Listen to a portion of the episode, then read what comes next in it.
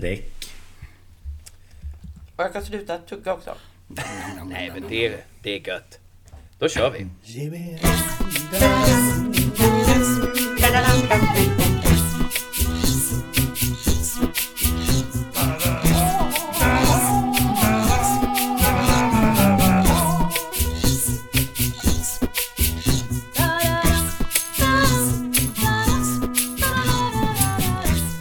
Och välkomna till Avbockat, podcasten med den långa listan. Idag har vi ett riktigt härligt program framför oss, men innan vi går in på dagens ämne, som ni redan har sett i programtiteln, så ska vi naturligtvis säga hej till alla våra kära medlemmar. Med mig har jag bland annat Anna-Klara Dahlén. Hallå AK! Woop, woop, woop, woop. Hej, hej, hej! Hur är läget?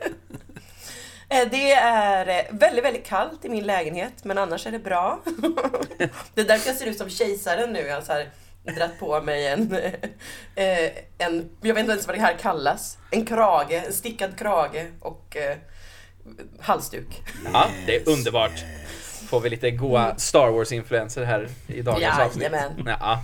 Och vi har ju naturligtvis Johan Moe Moestedt. Hallå där! Men hallå där! God dag! Oj, vad Hus. artigt det var idag. Ja, hur står det till med dig? Jo då, jag bockar och bugar. Eh, jo, men det är fint. Sitter här och dricker kokkaffe. Eh, och har det allmänt fint. Ja, det, Men alltså är det fint. Eh, mycket fint. Fasen vad fint bra, det blev. det är fint. Jajamän. Sen har vi också Niklas Street-Nicke Pettersson. Hallå! Yo, yo, yo! Street Nick in the house. What up, så att säga. What is up? Jo, ja, jag ska inte klaga. Det är... eh, What is not up? Exakt. Allt är uppe för Street Nick. Vad härligt. Det folk inte vet är att vi spelar in det här via WhatsApp. Är det därför du säger så? Exakt, jag försöker få spons. Ja, precis. Ja, det går sådär. Ja. Avbockat, sponsrad av WhatsApp. Inte alls. Nej, nej, det var, eh, det var ju, vad hette den? Något annat. Knack, knackningen. Ja, strunt samma. Här har vi gänget. Jag heter Henrik Jones Joneskär och eh, idag ska vi snacka om något väldigt eh, speciellt som ligger oss eh, lite varmt om hjärtat eh, och det är inget mindre än Studio Ghibli och Hayao mi, mi, mi, nu, mi, jag höll på att säga fel direkt. Ha, Hayao Miyazaki, jag ber om ursäkt för uttal. Herregud. Men så det ska vi alldeles snart kasta oss in i. Anime-universat från Studio Ghibli helt enkelt. Eh, men innan vi gör det så ska vi naturligtvis ta vår lilla runda med vad vi har eh, upplevt på sistone inom populärkulturens värld. Jag tänker vi börjar med Street-Nicke. Kul. Eh, Jag har sett eh, Turtles Mutant Mayhem. Ganska nyligen. Eh, och den tyckte jag var väldigt härlig. ja, Vad kul! Eh, jätterolig. Väldigt snyggt eh, tecknad. Ja, Eh, och bra röstskådisar, bra story. Eh, Ja, rakt av väldigt eh, underhållande. Tyckte jag den var. vad roligt! Gud, vad kul. Den kan jag, den kan jag rekommendera. Den ska jag- Varmt. kasta mig över sen. Ja. Hade- Har inte Sen du sett också- den än, Jones? Nej. Nej, det här är galet. Ja. Ja. Förlåt. Nej, sen håller jag också på att eh, läsa Paper Girls, eh, Ah. CD-tidningen. Mm. med Brian K. Vaughan. Jag är inte riktigt klar än. Jag har läst eh, fyra av sex av de samlade utgåvorna. Men eh, den är också väldigt härlig. Ett, Mm. eh, ett gäng eh, eh, tonårstjejer som jobbar som Paper Girls, delar ut eh, tidningar alltså på 80-talet. Och sen dras de in i tidsresor och det är krig mellan eh, de gamla och de unga och det är monster och det är allt möjligt och det är, det är roligt. Underbart. Ja, du Så- får ett så himla fint leende så att Ja. man, man fattar det här. Det här är bra. Ja, visst. Har du sett filmatiserings... Eller den här tv-serien eh, Street? Ja, det har jag. Jag hade med den på årskrönikan förra året tror jag. Som är- eh, just det. Just det. eh, mest eh, underskattad. Jag tyckte den var väldigt bra. Så jag var väldigt ledsen att den eh, lades ner. Mm. Eh, jag tror den... Jag hade den spaningen då också. Att den kom ungefär samtidigt som Stranger Things. Just senaste det. säsong. Så jag tror att eh, Stranger Things bara slukade den. Mm. Eh, och annars hade den nog fått fler som tittade på den tror jag. För att den var hade absolut kvaliteten för att få fortsätta. Så det var synd. Ja. Men gött! Ja. Det härliga, härliga upplevelser på det senaste. AK, vad har du eh, upplevt? Ja, eh, jag har ju upplevt något så galet som en föreställning ihop med dig, Ja. Joneskär. Ja, Eh, det kan man väl ändå få säga är en kulturell upplevelse. Att jag Ja, fick göra absolut. ett litet, litet blixtinhopp eh, för stackars Madeleine Johansson som fick lunginflammation. Eh, precis. Ja, eh, och det var ju otroligt läskigt. Eh, mitt i Mall of Scandinavia. Ja, Vad var det för där, något? där stod vi. Eh, ja, det var ett stort, stort jädra köpcentrum med eh, blinkande kuber ovanför huvudena. Så stod man där, Mhm. upp och ner, ner och upp. Vi hade en ljudbild som, ja men det var en, eh, det var en galleria helt enkelt. Eh, Jajamän! Det var svårt att höra musiken. Ja. Eh, Varandra ibland. och varandra ibland. Eh, AK hade... Ja, hur länge hade du fått repa? Ja men typ en och en halv dag hade jag nog Ja. ändå kunnat kötta. Ja, Och det var den här Astrid Men- Lindgren eh, tjofräset alltså. precis. Em, är ja precis. Emil. Emil 60 år. Ja. Förlåt, vi bara pratar i munnen på varandra hela tiden nu. Det, vi är så taggade för på det nya året att få eh, gå in och spela in tillsammans igen. Ja. Eh, nej men, så det, och då gjorde det ju också att jag var i Stockholm Eh, och lyckades se Skuggan över stenbänken, en eh, eh, föreställning då som gick på Kulturhuset Stadsteatern. Och jag säger gick för att när vi spelsänder det här, jag gör som jag brukar, jag tipsar om föreställningar som inte går att se längre när man lyssnar. Ja, den var jävligt bra ska jag säga. Det skulle ni sett. Den borde ni Den ha sett ja. det, det kan ni känna nu i efterhand. Fan, den borde jag ha tagit mig tid och gått och sett. Eh, den var Ja. jättefin. Otroligt fint ensemblespel och den var väldigt snygg och rolig form. Och, det, jag älskar de böckerna och jag tycker att det, det var en Det var ändå fin eh, Man hade kunnat göra ännu mer men, men så som den var så var den väldigt Väldigt fin.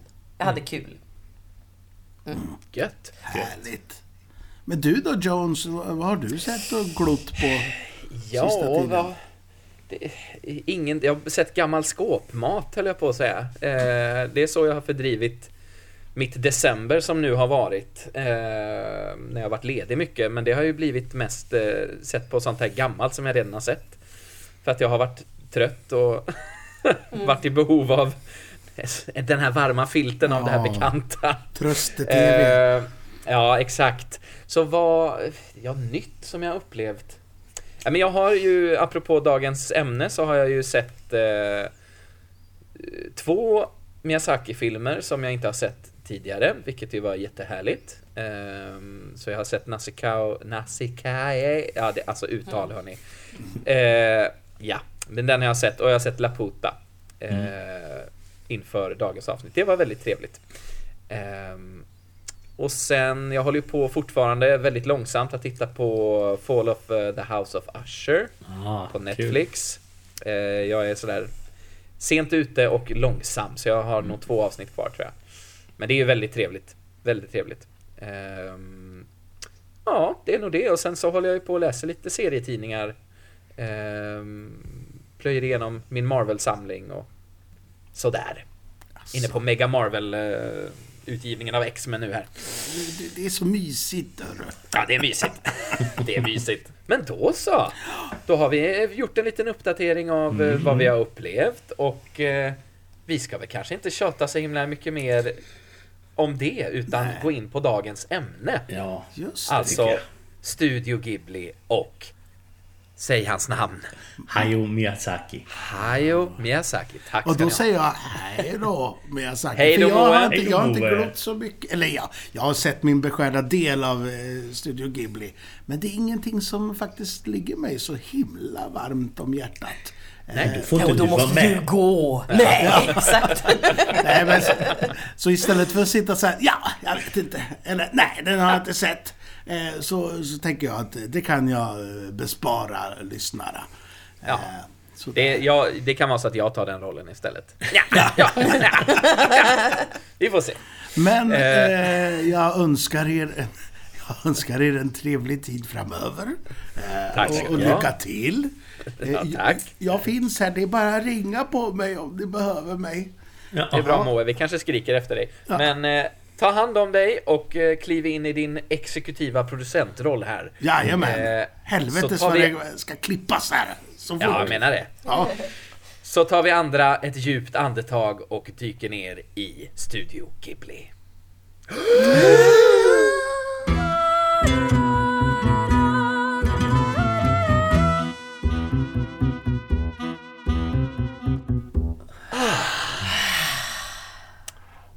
Alltid undrat hur länge ni håller, han, an, eh, hur länge ni håller andan när jag har lyssnat. Ja, just det.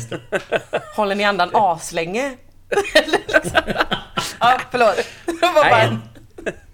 Det var ju inte- olika. Ja, lite olika. det var i alla fall inte en hel jingel. Nej, nej, precis. Nej, nej, det behöver vi inte göra som tidigare. Nej.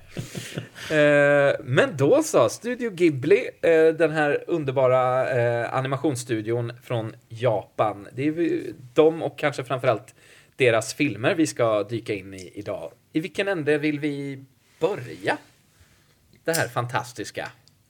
Ja, men ska jag börja dra lite, lite kort om eh, en av eh, grundarna bakom eh, Studio Ghibli, men eh, den mest framstående får man väl säga. Ja. Som ju är Hayao Miyazaki. Och det är faktiskt så att vi spelar in det här den 5 januari. Och han fyller 83 idag. Så vi kan ju Oho. börja med att säga grattis Stort till grattis. till Hayo. Ja, inte illa. Han föddes alltså 5 januari 1941 i Tokyo. Eh, mitt under andra världskriget. Eh, och eh, det kan man ju säga eh, verkligen har präglat många av hans filmer. Även hans eh, senaste, eh, som vi kommer prata lite om sen, Pojken och hägen, som utspelar sig delvis under andra världskriget. Och även de av hans mer sagoaktiga filmer präglas ju ofta av krig eh, i någon form. Så att det har gjort väldigt mycket avtryck att han föddes då. Eh, han eh, debuterade som animatör eh, 1963 på filmbolaget Toei. Vi vi kan ju bara slänga in nu någon slags ursäkt för massa olika uttal. Ja, ja. Som är, vi, inte, Ja. inte experter på japanska någon av oss. Men, eh, Ta allt med en, en stor nypa salt. Ja. Eh, och eh, två år efter det så gifte han sig med sin eh, fru Akemi Ota och de är gifta fortfarande. Han har två barn också med henne, Goro och Keisuke. Och Goro jobbar ju också som eh, Mortal animatör. Kombat. Nej. Precis. Eh, Goro. Ja. Prins Goro. Och jobbar väl på Studio Ghibli nu, tror jag. ja, det tror jag stämmer. Eh, men eh, 1971 sen så lämnade han Toy och började på A Productions och det gjorde han av en anledning som jag vill återkomma till lite senare. det blir ett ganska långt sidospår. Och sen hoppade han eh, mellan lite olika animationsstudior under 70-talet. Och sen 1979 så började han på eh, Tokyo Movie Shinsa. Och det var samma år som han släppte sin långfilmsdebut. The Castle of Cagliostro. Den handlar om eh, Lupin the Third. Som är sonson till Arsène Lupin. En eh, känd fransk eh, detektiv. Som har inspirerat den här Netflix-serien Lupin som går nu. Ja, just det. Eh, det här är eh, hans första långfilm då. Den enda som jag inte har sett. Eh, så jag har inget att säga om den. Nej, och det var så roligt. För jag sa samma till, till själv. Ja, men jag har sett alla. Så när jag gick igenom bara. Nej, Nej. den hade jag inte sett bland annat. Men jag, tror- har också sett ifatt några som jag Ja. har missat. Men eh, nej, jag ska ta mig an den någon gång. Jag tror att den är ganska svår att få tag på. Det känns som att det är därför jag inte har sett den. Men jag tänker det måste gå om jag bara anstränger mig lite. Eh, och efter det sen, då började jag jobba på en eh, mangaserie. Eh, som senare skulle leda honom till att filmatisera den serien också. Och det var Nausicaa of the Valley of the Wind som kom 84. Och det var succén med den filmen som ledde till att han sen grundade Studio Ghibli efter det.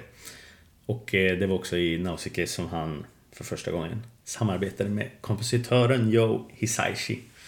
Som sen har jobbat med honom på alla kanske, de flesta av hans filmer i alla inte fall. alla, men de Inte flesta. Ja. Ja. Eh, Jag, kan, jag har inte så mycket om honom, så jag bara fliker in och säger att Ja. de har ju sagt, eh, de jämför dem lite som Steven Spielberg och John Williams. Att Just de det. har Ja, ungefär det. ett sånt samarbete liksom. Ja, fattar. Ja, men det, det kan man ju känna.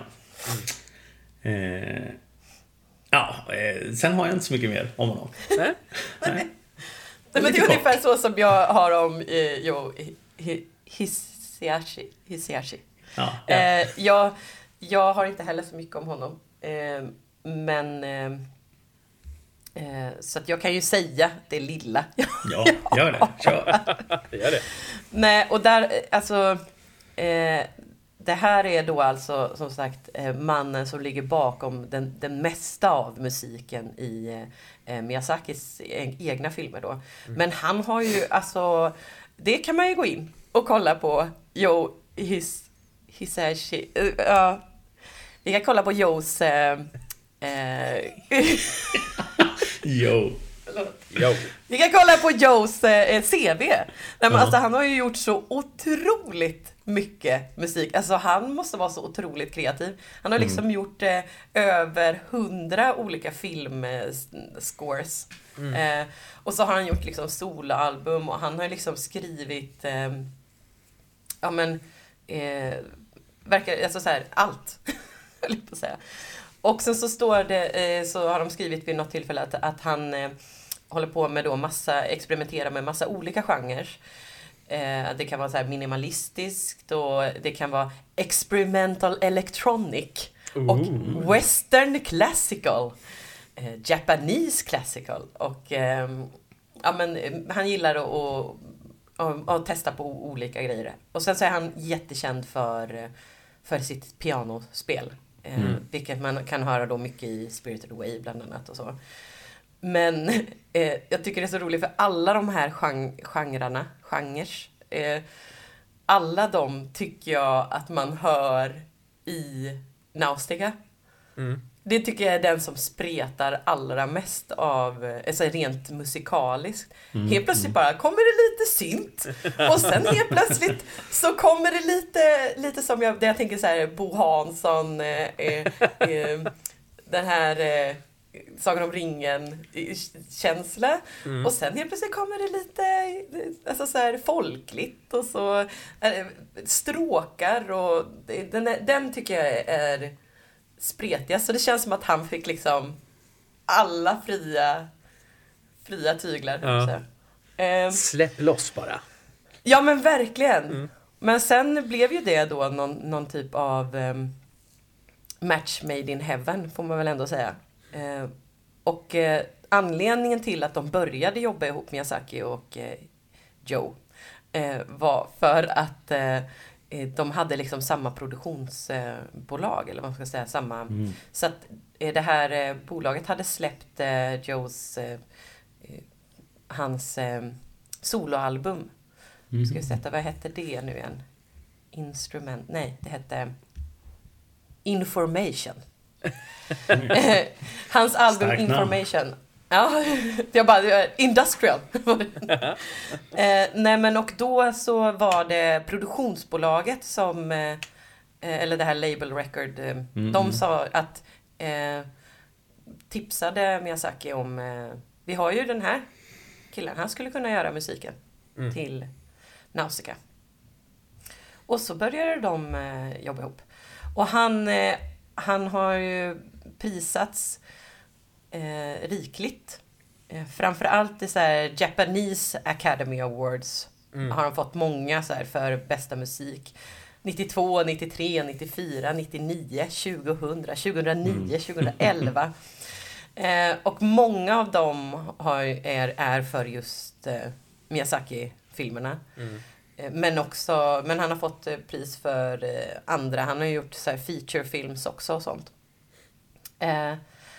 Men eh, sen är han ju nu nominerad för en Golden Globe eh, för musiken för Pojken och hägen. Ja, ja, ja. Okej. Eh, Men annars så, just musiken, ja, den har blivit nominerad så här en del i, men annars så eh, har vi i, i, i västerlandet, höll på att säga, västervärlden. Eh, vi, gud det kändes som en Narnia. ja. Vi i västerlandet.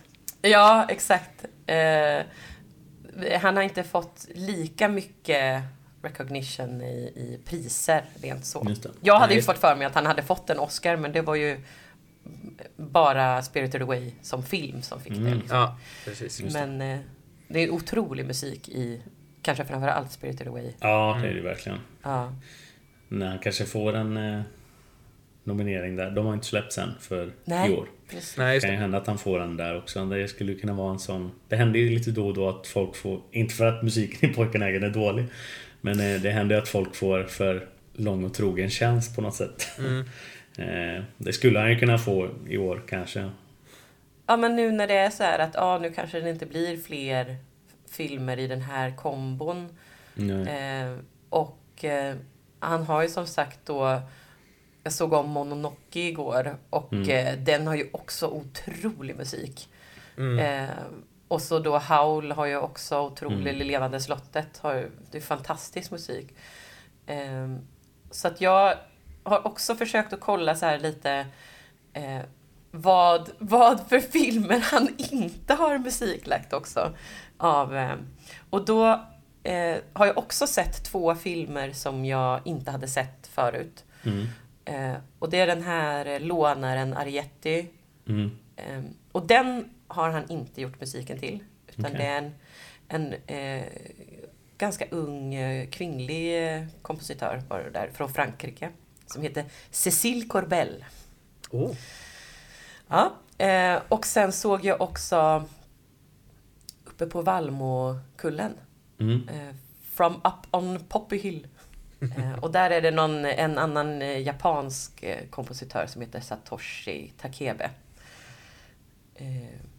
Ja. Men, men annars så, jag har en liten lista här så kan man ju alltid bara dubbelkolla. Men annars har han i princip gjort alla Mm. Miyazakis filmer. Coolt. Vi säger Ja, inte men- mer. Nej, men det låter verkligen som ett sånt, som den jämförelsen du gjorde med Steven Spielberg och eh, John Williams. Han känns som eh, animevärldens John Williams på något sätt. Eh, det är häftigt. Ja men kul! Eh, jag kan ju bara ta lite kort också om Studio Ghibli, alltså företaget i sig. Det är samma där, väldigt eh, kort. Eh, men det grundades ju då i juni 85 av Miyazaki och eh, kollegan Isao Takahata och eh, Toshio Suzuki.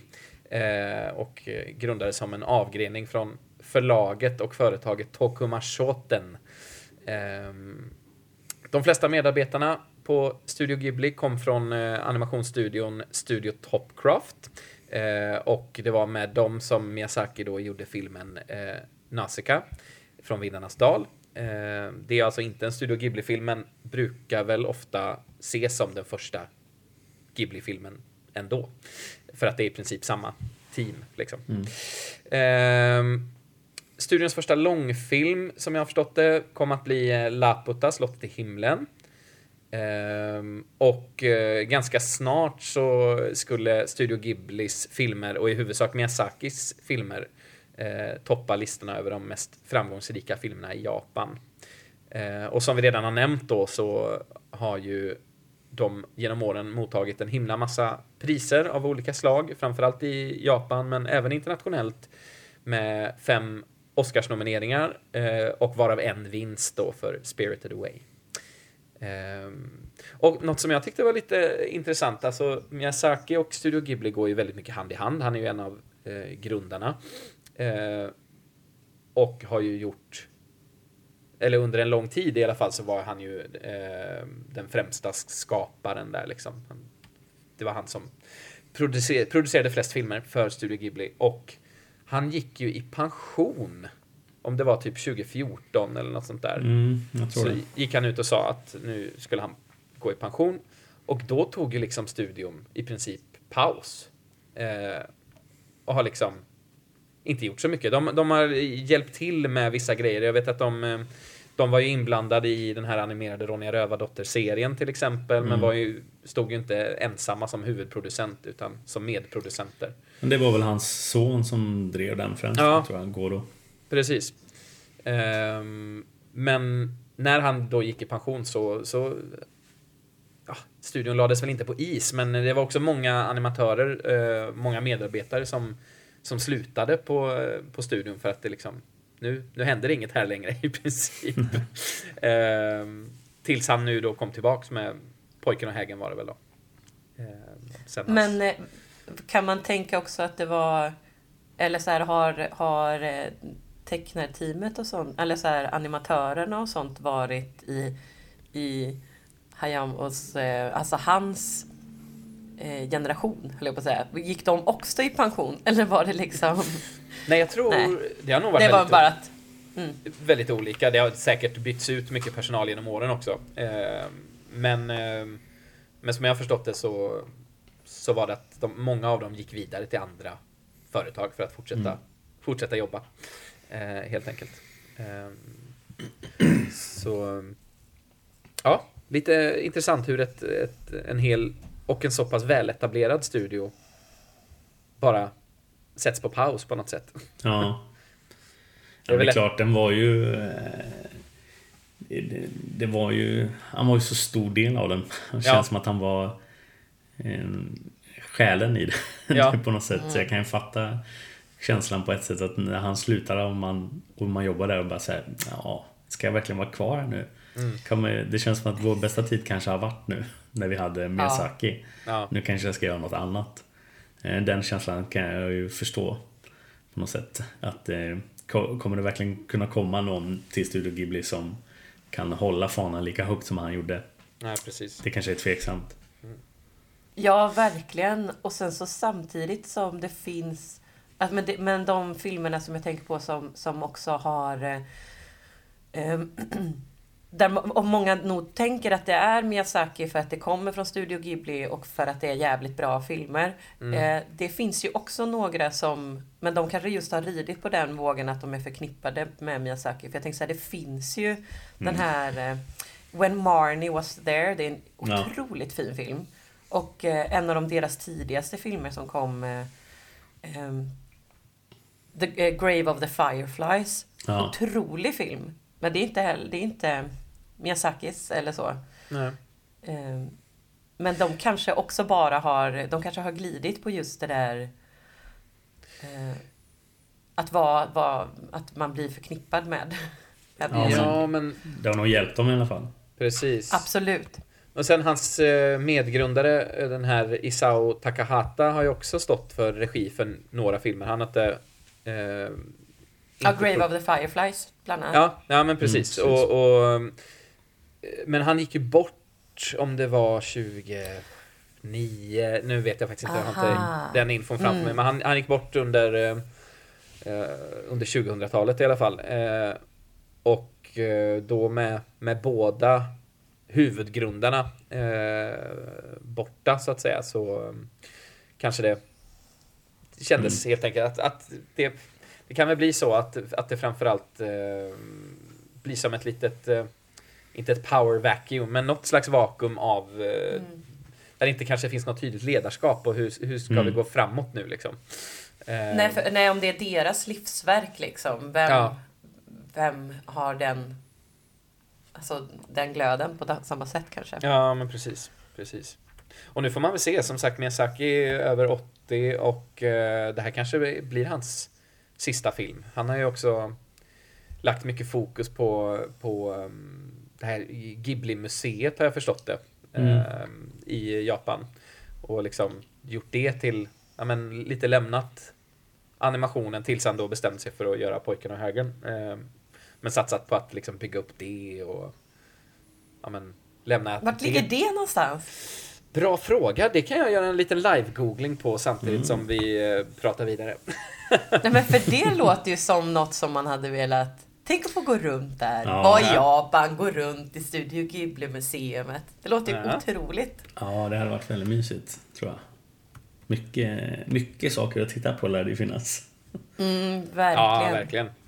De visar ju tydligen även en hel del eh, kortfilmer och så där som Okej. väldigt sällan, om ens någonsin, visas utanför det museet.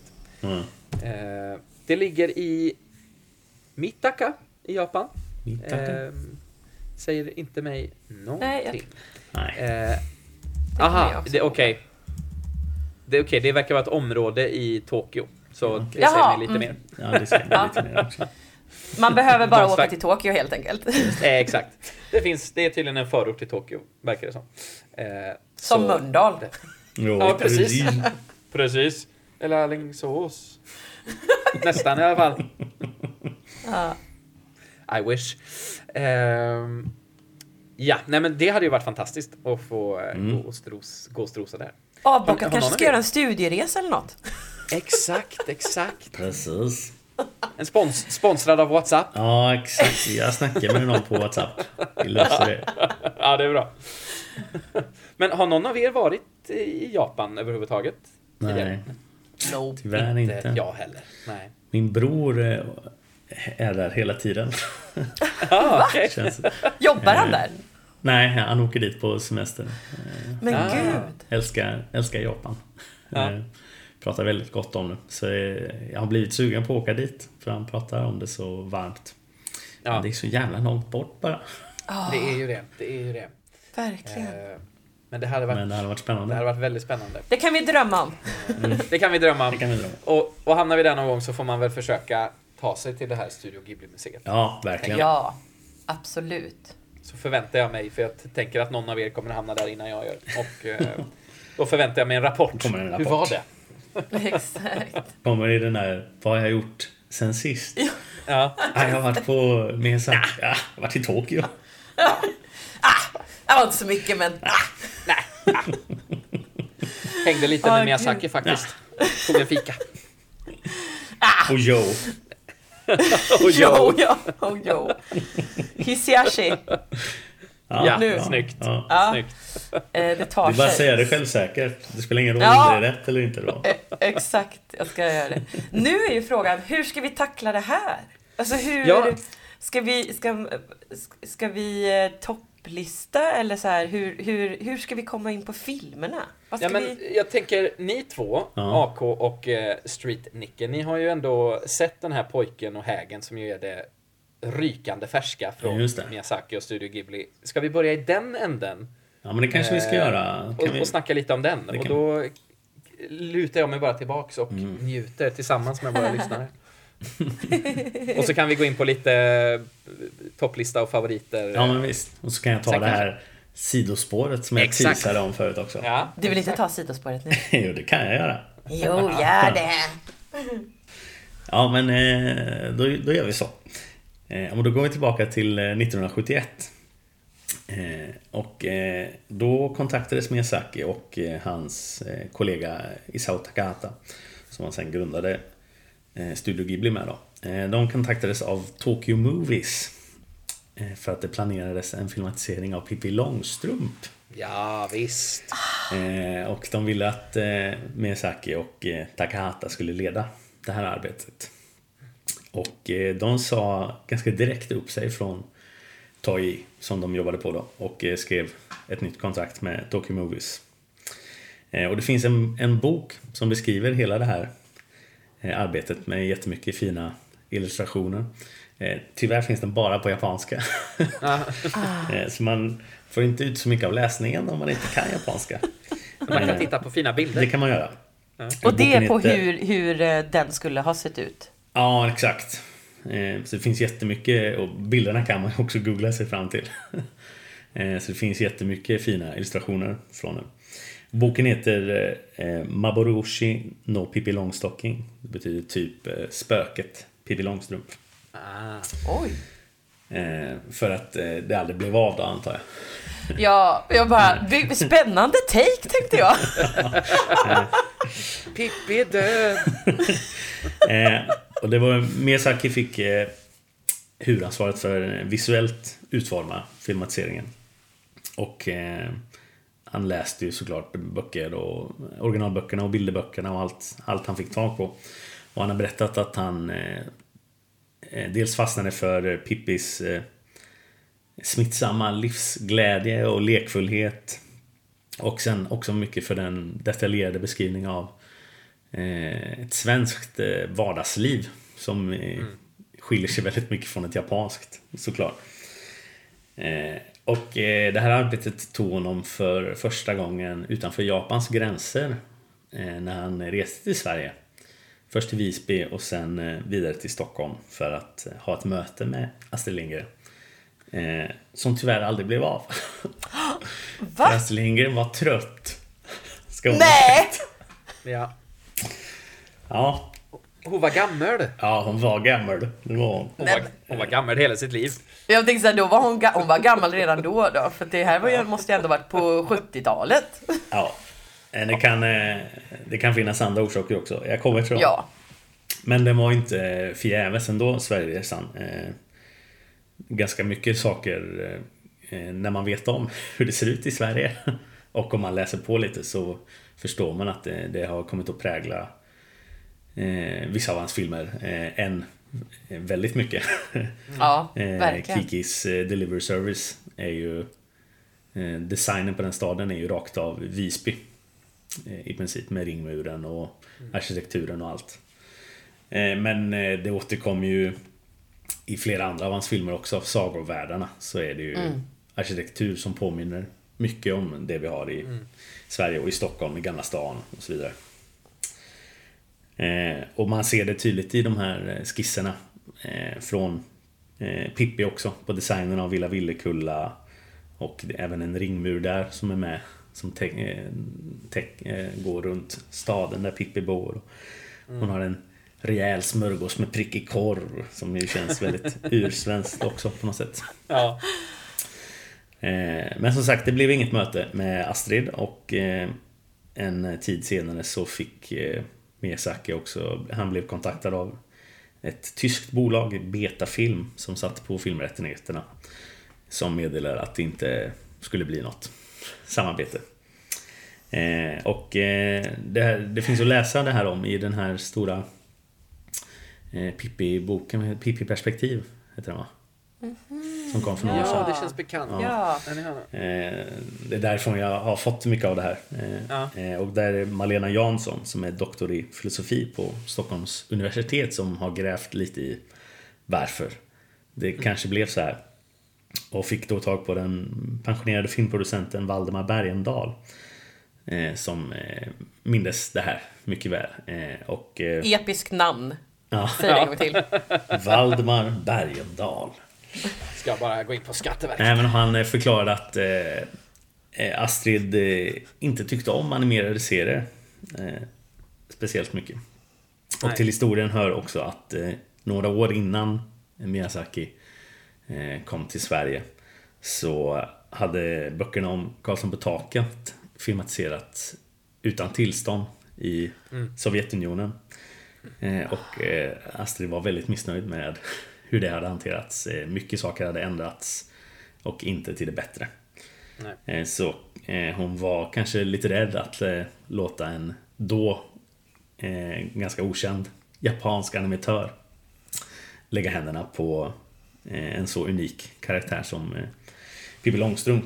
Och det är väldigt lätt att sitta nu med, med facit i hand och med alla fantastiska filmer Miyazaki har gjort. Många med just en stark ung flicka i huvudrollen. Eh, Och eh, säga att det hade blivit helt fantastiskt. Men eh, det visste man ju inte då. Och Astrid visste ju inte det då. Att, Nej, och, och vi vet ju inte. Det kanske hade blivit ändå pushat. Man vet ju inte hur mycket fria tyglar de hade fått. Nej, det är också sant. För det var ju inte... Studio Ghibli var ju inte grundat än. Nej. Så att eh, han hade ju inte haft fria tyglar heller. Eh, Men... eh, Ah, Och det, tänk, Ja, tänk alltså det, om vi hade haft Pippi men blivit berövade på de andra. Mm. Det... Absolut, så är det också. Men tänk om vi hade haft Pippi ja. Och bilderna, är, bilderna som finns att hitta, så det är så fint. Och jag, Ja. blev, jag känner, efter att jag hade läst det här, den här eh, artikeln, eller vad man ska kalla det. Jag bara så här, alltså det här är filmen jag önskar mest i mitt liv hade blivit av. Som inte har blivit av. Det finns ju några stycken som bara, ah, tänk om det där hade blivit av. Ja. Ja. Men nu känner jag bara, tänk om det här hade blivit av. Åh. Ja. Nej, men, googla Pippi eh, Miyazaki, kära lyssnare. Det är Mm. väldigt, eh, väldigt fina, fina illustrationer. Ja, det är det Eh, verkligen. Det ser riktigt, riktigt bra ut. Ja. Men jag vet inte, det, det kan vara hörsägen eller något som jag bara har konstruerat i mitt huvud själv. Men jag har för mig att det, det här beslutet är någonting som Astrid själv eh, sen kommer att ångra. Mm. Eh, men som sagt, det kan vara något som jag bara har byggt ihop i min egen skalle. Eh, så ta mig inte på, på allt för stort allvar. Eh, Det kanske var jag- när den jag- andra tecknade kom. Ja, men precis. Jag tror att det hör ihop lite med det. Eh, och att hon faktiskt också han se lite av eh, vad Miyazaki faktiskt gjorde. Och att sen blev hon ju ganska bränd när hon väl släppte rättigheterna till Pippi, till den här amerikanska tecknade Ja, eh, Pippi-serien som ju hon inte var så nöjd med. nej. Eh, ja, Så Jag vet inte, jag har inte hittat något om det men det känns inte otänkbart för att eh, det, det gjordes ju animerade saker som sagt. Eh, där hon liksom släppte på rättigheterna. Eh, Ja. Och eh, då hade ju Miyazaki, alltså då hade Studio Ghibli grundats och gjort ganska stor succé och man vet ju inte hur, hur pass mycket hon nåddes av det. nej, Eh, nej, men, precis.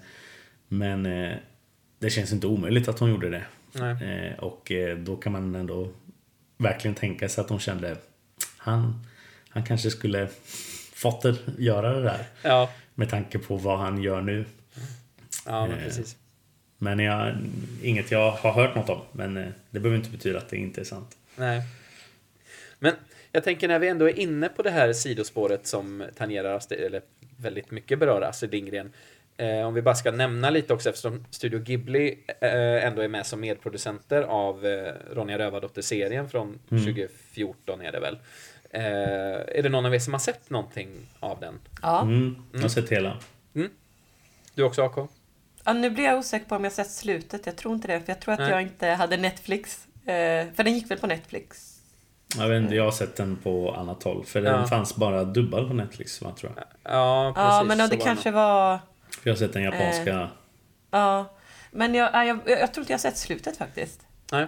Mm. Jag- Jag har inte heller sett helheten. Jag har sett eh, första halvan tror jag. Ehm, men eh, vad, när ni såg den, hur, hur upplevde ni den? Det är också någon slags Ronja Rövardotter är också någon slags eh, svensk eh, klassiker och Astrid Lindgren-klassiker. Eh, Och som ju verkligen får en inom citationstecken japansk treatment. Eh, vad, vad, vad tänker ni om, eh, om den?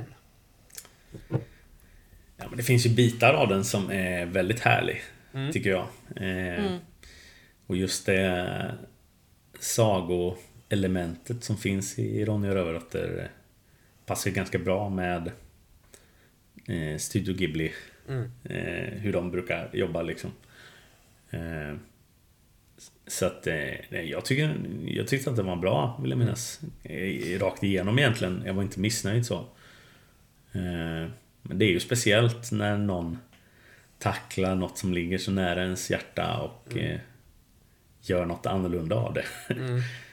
Men med tanke på det och att jag ändå var så pass nöjd så Ja, det är ett ganska bra betyg ändå, Ja. känner jag. Nej, men jag har samma upplevelse. Det var inte för att... Eh, jag har inte sett slutet för att jag var missnöjd med serien. Det vill jag, Nej, det vill jag vara tydlig med. Samma Eh, här. Men, men det är liksom... eh, Det, jag försöker också alltid, och, och när det är såna Astrid-grejer framför allt, så försöker jag alltid att pusha bort hjärtat lite. För Mm. att det är så lätt att bara bli superkritisk. Men eh, eh, jag tyckte också att miljöerna och allting sånt är... Eller var, det var ju perfekt. Och jag, jag kommer ihåg att jag tyckte väldigt mycket om vildvittrorna. Mm. Eh, hur de, att de passade väldigt bra i, i den stilen. Eh, Det är nästan, eh, som jag minns dem, är de är ju nästan lite Sphinx-inspirerade på något sätt. Det är inte så mycket Ja. fågel över deras ansikten liksom. Nej, det är väldigt mycket ett, ett eh, Ghibli-ansikte. Eller Ja, men exakt. Ja, Väldigt obehagliga. ja. Ja. Eh, och eh, sen så förstår man ju att ja, nej, men sen måste de ju ändra på vissa saker för att det inte kulturellt fungerar. Eller så här, att Ja. de måste ändra lite saker. Mm. Men... Eh, nej, men jag tyckte också det funkade. Jag tyckte karaktären Mattis funkade väldigt bra i animeform. Det är någonting Mm. med Ja! eh, den här anime-stereotypen med, eller vissa, vissa stereotypa anime-karaktärer eller manga-karaktärer. Det här explosiva Ja. eh, humöret liksom som funkar väldigt bra till den karaktären.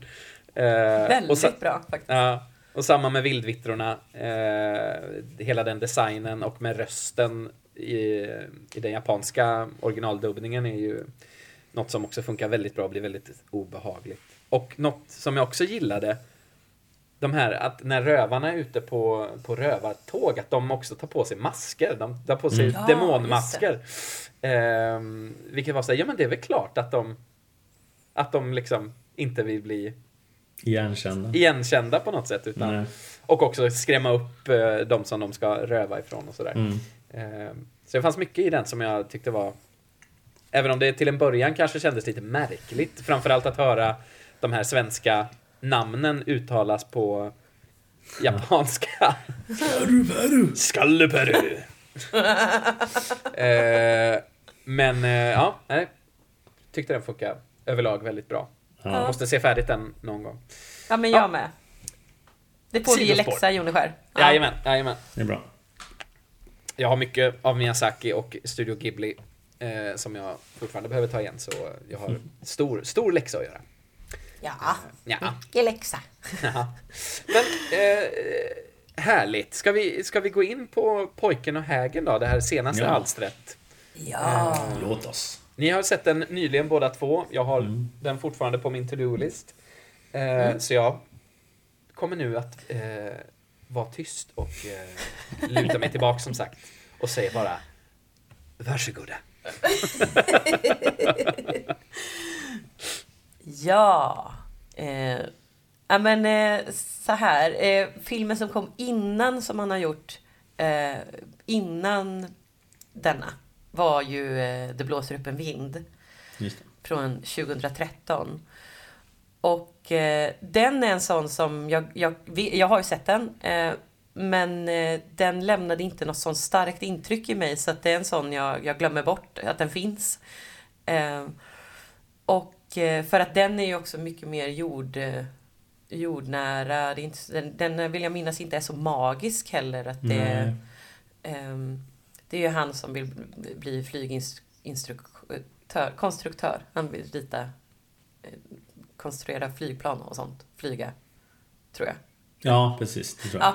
Ja. Det är samma Jag som bara- dig. Alltså jag eh, minns den inte superbra men, eh, men jo, jag vill också minnas att den inte har, nå- något sagoelement i sig. Eller? Har den det? Nej, jag tror inte ens det. Jag alltså, tror bara den är ens... rakt av bara en, en historia. Ja, och det kanske är därför som den inte fastnar för att det är något eh, med när magin kommer in som, som det händer något. Eh, Mm.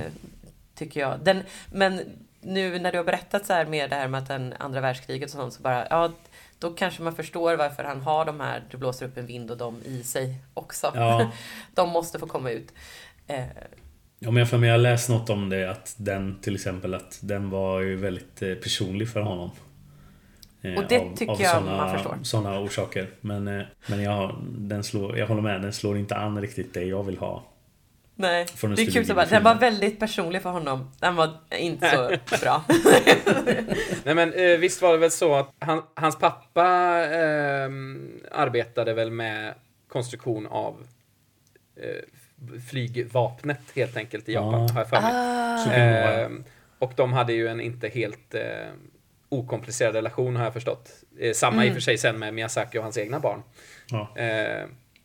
Han har fått betyget, eh, ett icke-betyg som far men eh, ett Aj. men toppbetyg som eh, chef och eh, konstnär ja. från sin son. Nej, men det är ju också väldigt ro roligt, eller vad man ska säga då, för det är ju också många genomgående teman ehm, i, i alla filmer. Eller så tycker jag, både föräldraskapet men också det flygandet är ju väldigt närvarande Ja. i otroligt många filmer. Är det. Är ju också spännande. Stora bombastiska. Ja, verkligen.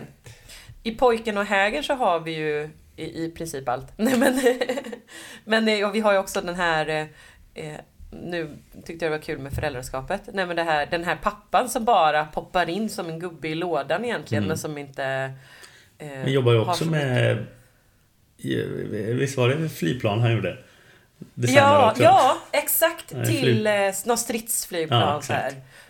Poppar in ibland och är liksom den här så här. Åh, här, Ja. här blir det, vad, vad härligt vi har det. Ja. Och sen försvinner han iväg på jobb och så är han borta Ja, han är inte så närvarande förälder. Nej, verkligen inte. Eh, men det, det jag skulle komma till var också att jag tyckte det var underbart att komma tillbaka in i magin. Där det Mm. händer konstiga grejer. Där det är liksom eh, konstiga grejer som blir mm, så här okommenterade men som folk bara accepterar. Det tycker jag är härligt att komma tillbaka till.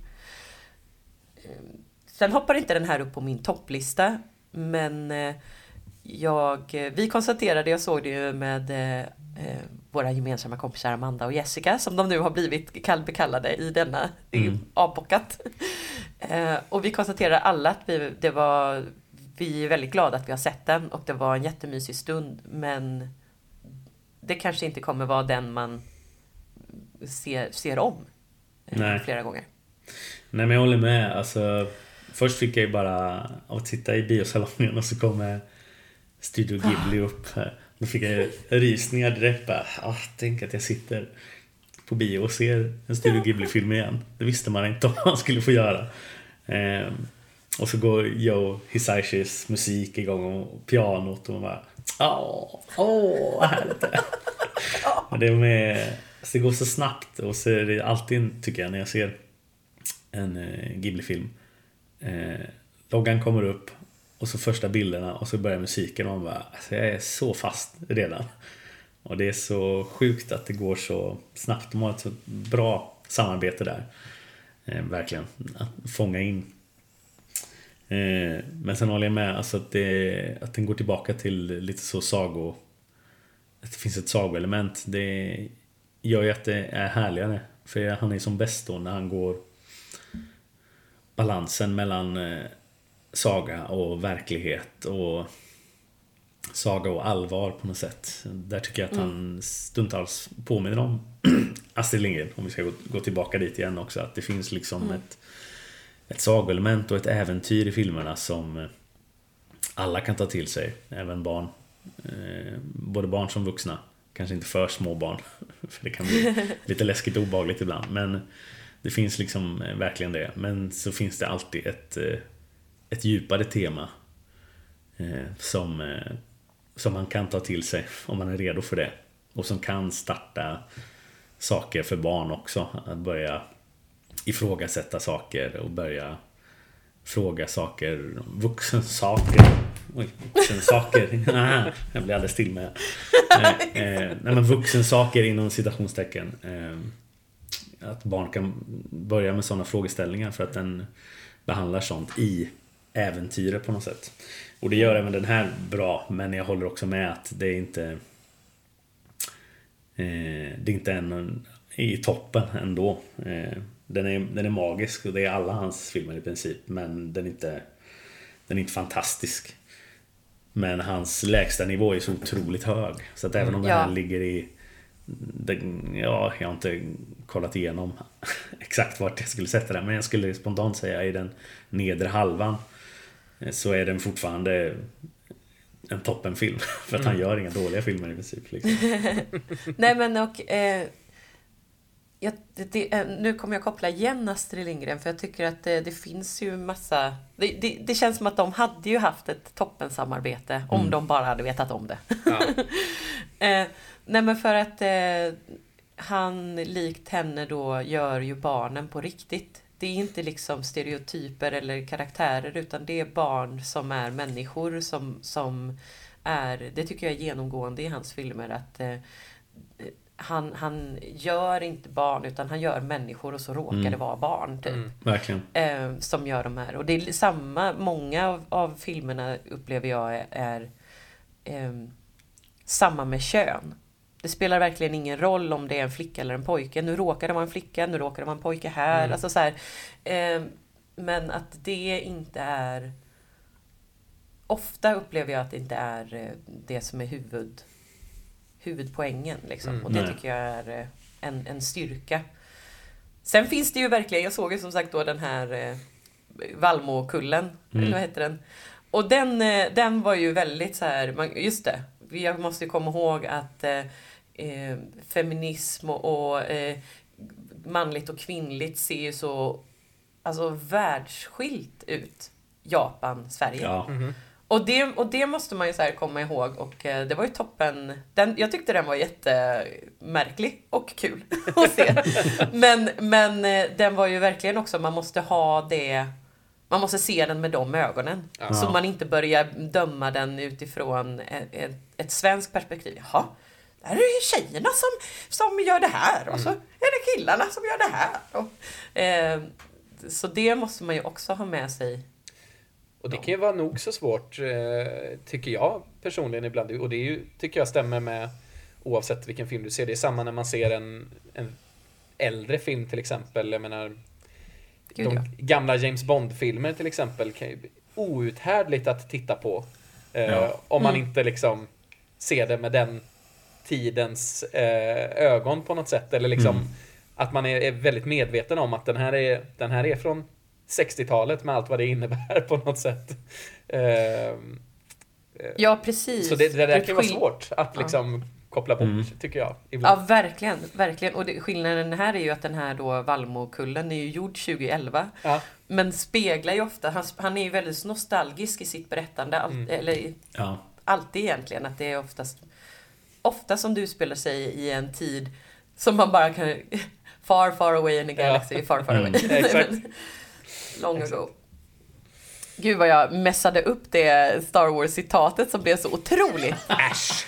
Moe, det får du absolut inte klippa bort. Snälla Nej, det ska vara med. Det ska vara med. Det ska vara.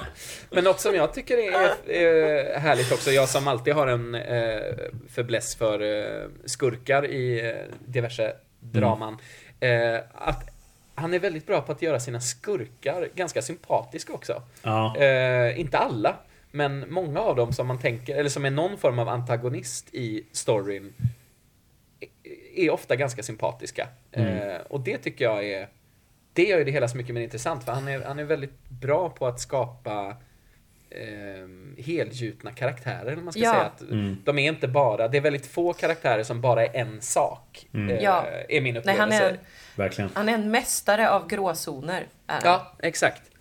Eh, ja, men som den här prinsessan nu i Na- eh, till exempel, eh, den inom citationstecken onda prinsessan.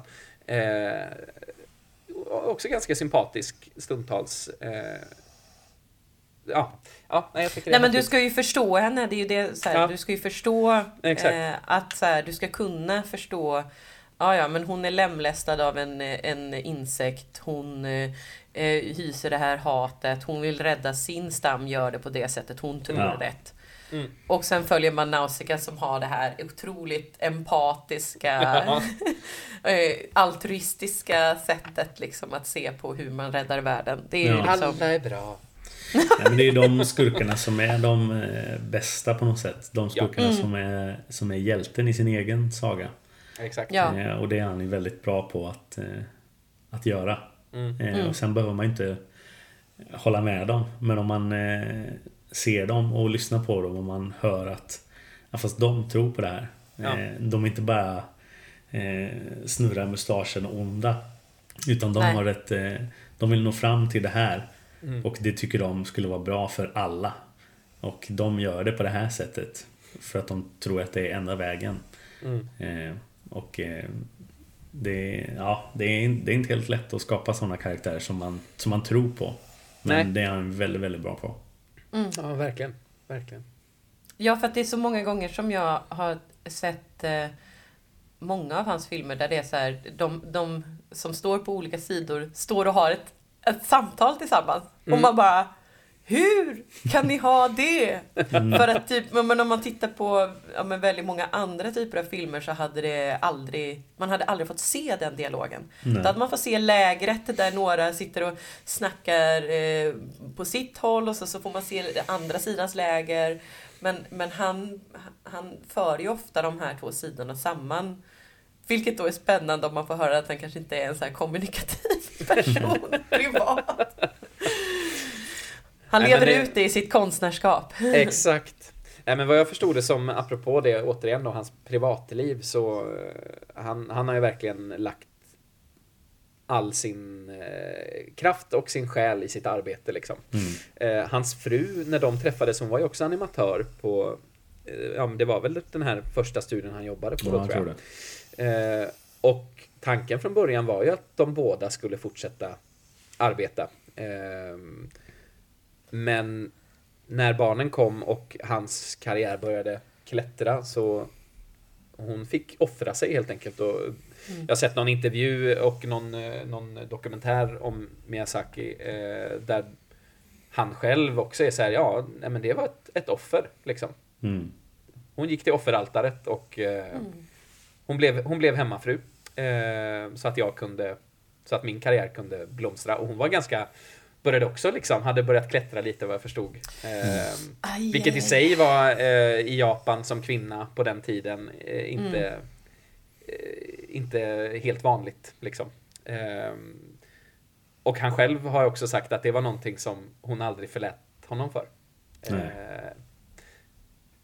Och ja, nej det är väldigt spännande. Jag ska kolla upp här innan vi avslutar vad den här dokumentären heter. Eh, Mm. Så kan vi lägga den i kommentarerna till våra lyssnare. Eh, ja. Nej men eh, spännande eh, Mm. är det. Men det är säkert så Precis. att han har eh, lagt mycket, mycket av det i sitt arbete. Eh, Det tror jag. Och fått leva ut mycket där liksom. Miyazaki, The Life of a Hard Working Tyrant. Heter den. Oj. Ja, Oj, jag var inte beredd på det. Nej, okej. men eh, Ord och inga visor där. Oj, nej, det var det. att ordet Tyrant är med i titeln eh, vet jag inte om det var den bästa titeln, för det är inte riktigt den bilden man presenterar. Eh, De pratar absolut om honom som en liksom, han, han ställer krav på sina medarbetare liksom, men eh, nej, det är inte riktigt, inte tyrannbilden man får heller. Nej, Eh, det är en amerikan som har satt titeln. Ja, exakt. Den kanske heter något helt annat på japanska. Mycket möjligt. Eller så är det liksom i, eh, i Tyrant men i, i jap eh, japanska mått. Det är de här Ja, precis. artiga, artiga måtten Mm, mest. kanske. Exakt. Ja. Eh, Eh, Ja, gud. Men, eh, men har vi något mer att säga om pojken och hägern? Alltså, det var, jag har läst, jag läste någon, eh, jag undviker ju trailers och allt, Mm. eh, jag vill inte höra någonting om innan jag sätter mig och tittar.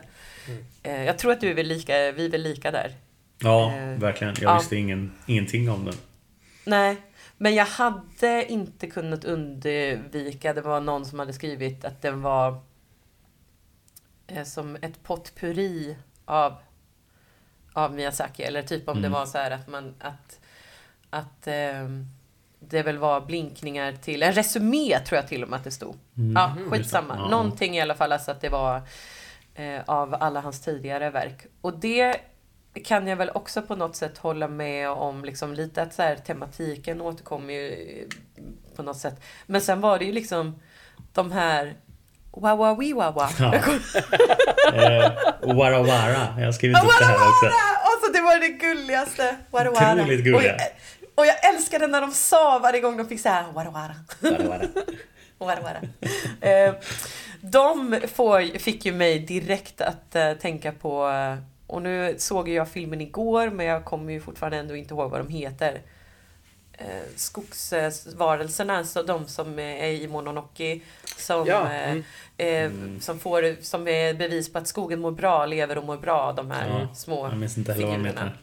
Men de, så här, den känslan av att man måste ha med in någon sån här liten Någon gullig. Ja, någon sån här lite gullig som bara är. Ja. De är så himla o... Alltså de, är, de här Warawaru, eh, de är så... Eh, de är så harmlösa Mm. och de är totalt... Eh, de bara är där och man... Ja. Nu då, jättespoiler. Varning för spoilers.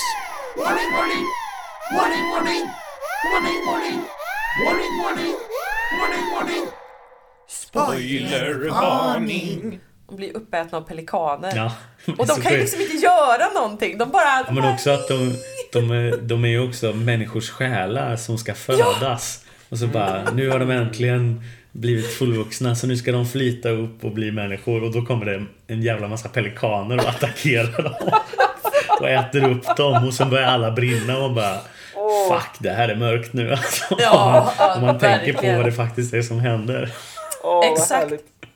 Samtidigt som sen då, apropå gråzoner, för sen eh, kommer ju den här pojken ut och, och hittar en pelikan som som ber honom att eh, döda honom Ja. för att han, eh, jag kan inte flyga längre, jag bara rädda mig ur mitt på lidande. mitt lidande ja. Exakt. Och så, men så berättar han, säger han ju det att eh, vi äter ju de här waru waru bara för att vi, vi dör. Vi håller på att dö. Det, är, det, är, alltså, vi, det enda vi, sättet vi kan leva på är att få i oss mat. Och Ja. det är waru fångar, waru. vi fångar i den här världen liksom. Vi ska inte vara här. Exakt. Typ. Nej. Att, ja. Eh, och, det, och då blir man ju också så, man bara stackars pelikanerna! ja, eh, så det, det tycker jag, alltså, så att jag kom ju att tänka på många av hans andra filmer när jag såg den här. ja. Men jag blev ju mer sugen på att se dem. Det var ju det som gjorde att jag sen gick hem och bara, nej fan jag måste se om Mononoke Ja. när vi pratar om Ja, det just här. det. Ja men verkligen. Det håller jag med om. Eh, designen på hägen är ju också otrolig tycker jag. Så Ah, fruktansvärt alltså, obehaglig. Ja, Men, eh, men vad mäktigt det är. Alltså ibland, den där hjärnan, hur fan den fungerar. Det undrar man. Ja. Nej men och nu då sp- jättespoiler igen då. Eh, Men, men alltså det, det kommer ju alltså ut en liten det börjar växa ut en liten gubbe ur näbben. Först fattar man inte vad som händer. Men först ser man bara tänder och jag bara, gud vad äckligt Ja. har tänder. Och sen blir det mer och mer av ett ansikte, en näsa och till slut är det ju rakt av en gubbe bara. Som Som har klätt ut sig ut till en häger typ. Ja, och det är ju, det var ju det, alltså eh, nu kommer jag att säga mitt, mitt absolut bästa tillfälle i filmen. Mm. Det var första gången som hägen ja, men, lurar ner honom till vattnet. Ja. Och eh, man får första gången se den här näsan, alltså ännu mer av den här gubben som kommer ut ur eh, näbben när han pratar med sin så här roliga, lite läskiga röst. Man vet inte vad ska man tycka om den här hägen. Och det bara börjar klättra upp paddor över hela hans kropp. Mm. Det var mitt bästa, mitt, då fick jag så här, vad ska jag få vara med om? Och sen, sen kom aldrig riktigt eh, den, den, vad ska jag vara med om? Fick aldrig riktigt sin, eh, jag blev inte förlöst på Nej. det sättet som jag hade velat bli. Eh, men jag tyckte att det var ett, en magisk känsla av att att man inte, man fattar inte vad som händer, man vet inte vad man ska vara med om, det här allt är bara jättekonstigt. Jag älskar det. Det tror jag var allt vi hade om pojken och hägen. Ja, Exakt. Men gött. Då har vi Men- också spoilat den lite, så det var ju... Ja, det har vi. Ja. lägger vi in en liten spoilervarning inför pojken och hägen-diskussionen i, i avsnittet. Eh, men kul. Eh, om ni, för att avsluta eh, på riktigt, om ni skulle sätta något form av betyg på en femgradig skala. Jag gav Jag den, hatar att ge betyg. jag gav Ja. den 4 av 5 på min eh, Åh! letterboxd. Ja, det är ju väldigt starkt. Ja, Jag tror inte... nej men jag kan skriva under på det. Jag tror inte... Jo, någon har kanske fått. Jag tror lägsta Miyazaki har fått det 3,5. Ja. Eh, Så att det är... Som sagt, han är en hög, hög lägstanivå. Man säga. Exakt. Ja, men det... Ja, men, men, jag, men eh, för mig ligger det nog där 3,5-4. Ja. Den ligger nog ändå i det spannet. Eh, eh, för det... För jag har svårt att... Jag har, jag, det är därför jag hatar att sätta betyg. Ja. För jag har ju svårt att se den... Jag har ju svårt att inte lägga den ihop med hans starkaste verk. Ja. Och då åker den ju ner. Men om jag ska sätta den... Jag har jättesvårt att se den objektivt som film. Och då kanske den är en fyra. ja. Ja, men gött. Men eh, om vi ska eh, gå in på hans andra alster. Vi har ju redan eh, nämnt dem ganska mycket i den här diskussionen och, och sådär. Men vi har pratat om att vi ska sätta någon slags personlig topplista. Är det, är det nästa sekvens helt enkelt? Är det dit vi ska nu? Ja, men det är det Eh. kanske.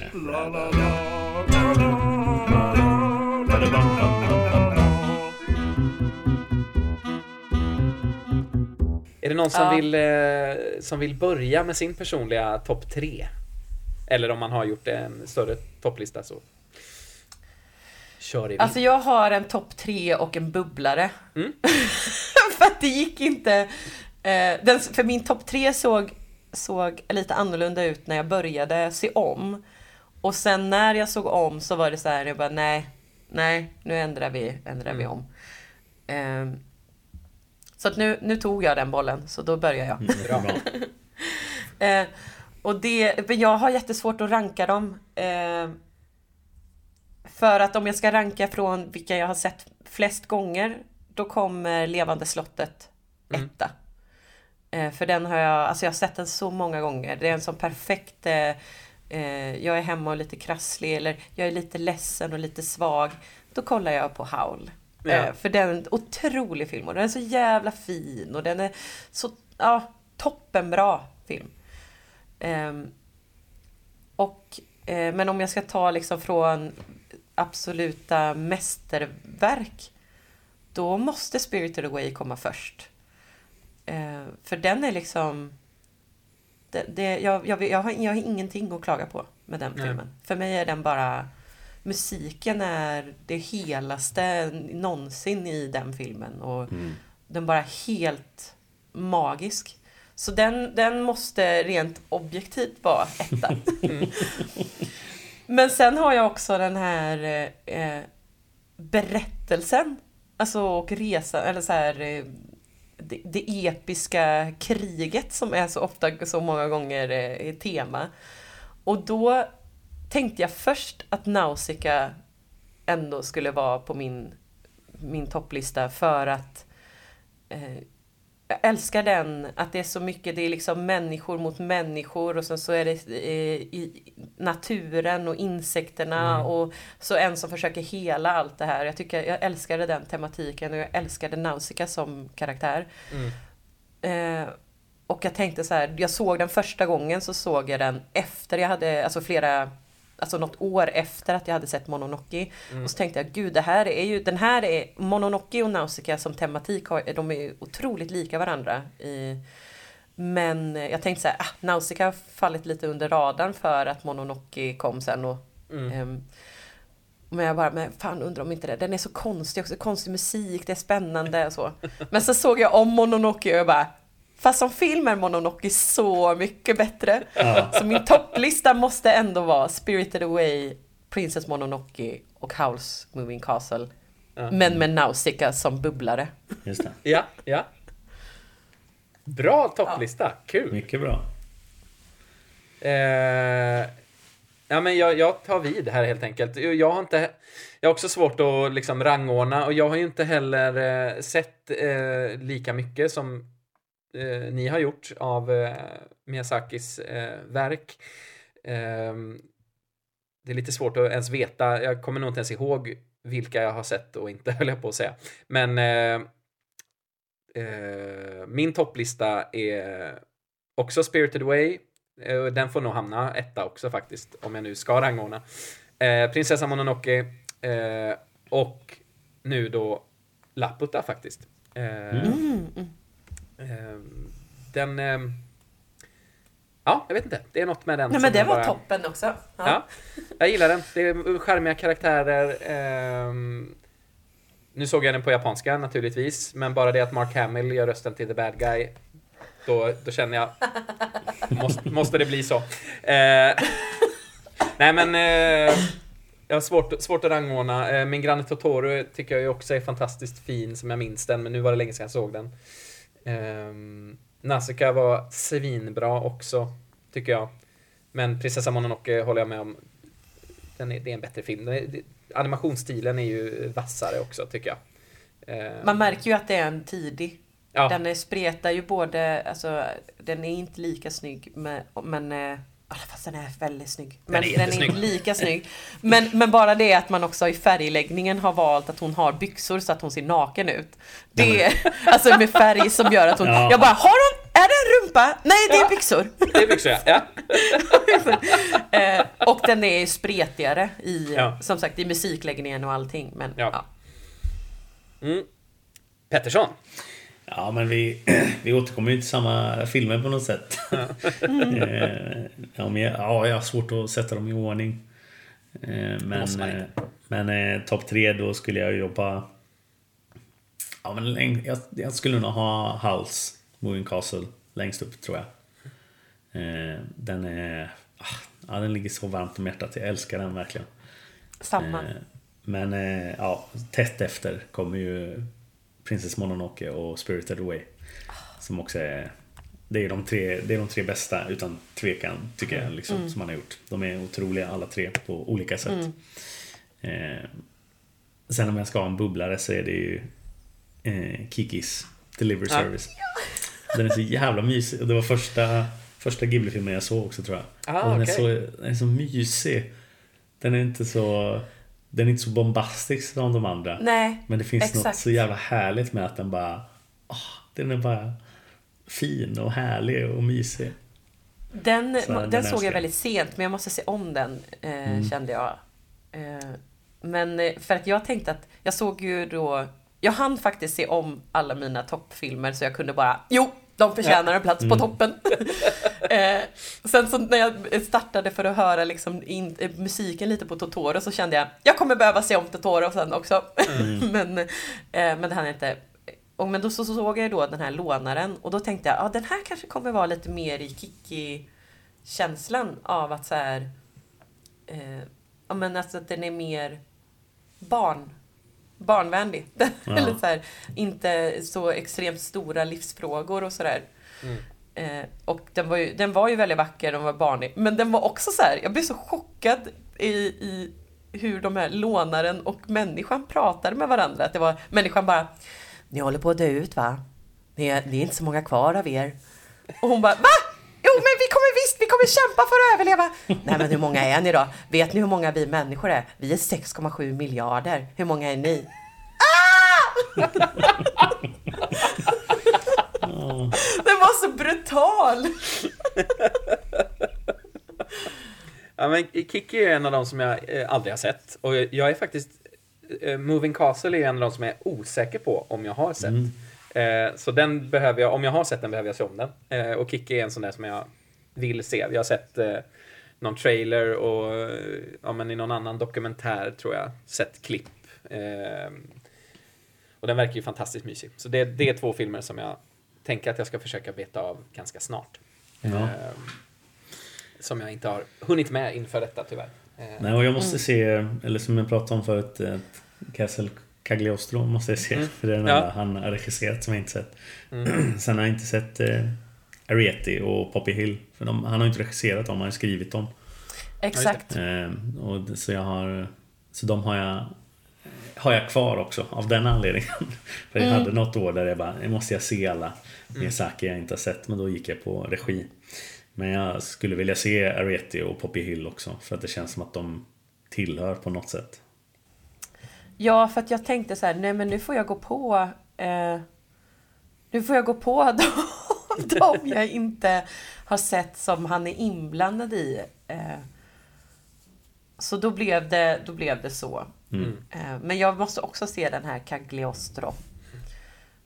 Och jag tror inte att jag har sett någon av eh, Takahatas filmer till exempel. ehm, som han har gjort under Ja, Studio jag- Ghibli. Så det är också en sån där... ehm, Och Grave of the Fireflies har jag sett. Mm. Eh, Ja, den har jag sett och också. Men... sen har jag sett Pompoko. Har jag också sett. Ja, Ja, just, just det. Den kanske jag har Eh, sett sen- någon gång. Ska se. Och nej, det var jag inte. Den, Princess Kaguya har jag sett också. Den är otrolig. Ja, ah, den såg jag nu att jag bara, den här vill jag nog se. Ja, ja den, Den är väldigt, väldigt bra. hört Mm. att den ska vara en, Ah, ett sånt mästerverk. Liksom. vann inte den Oscar? Kanske? Osäker nu. Ja, Jag det kollar om, om tror- det står lite snabbt. den kanske blev nominerad i alla fall. Eh, Ja, det tror jag. Men... ehm, Jag för mig att deras enda vinst har varit för Spirited Away. Ja, men men det, nominerad. är, Nominerad var den bara. ja, Ja. det är inte så illa det. Nej, det, det är det verkligen inte. Nej, men det finns Men mycket... Tråkigt att han han dö innan han fick en Oscar. Ja, verkligen. Nej, men det, det finns ju mycket, åtminstone för mig finns det mycket kvar att eh, ta del av från Studio Ghibli. Eh, både av Miyazaki och andra skapare. Eh, och det Mm. känns ju väldigt roligt. Har vi något mer som vi vill eh, säga innan vi börjar runda av och tacka för idag? Ja, men eh, som tips då om man inte har sett den här... Eh, eh, jag tror att den heter Marn... Nej, nu kanske jag hittar på. Eh, skitsamma. When Marnie was there heter den på engelska. Ja, men, eh, men jag bara, Marnie och jag fick jag för mig att den hette. Men då tänker jag på den där eh, Marley och jag. Just det.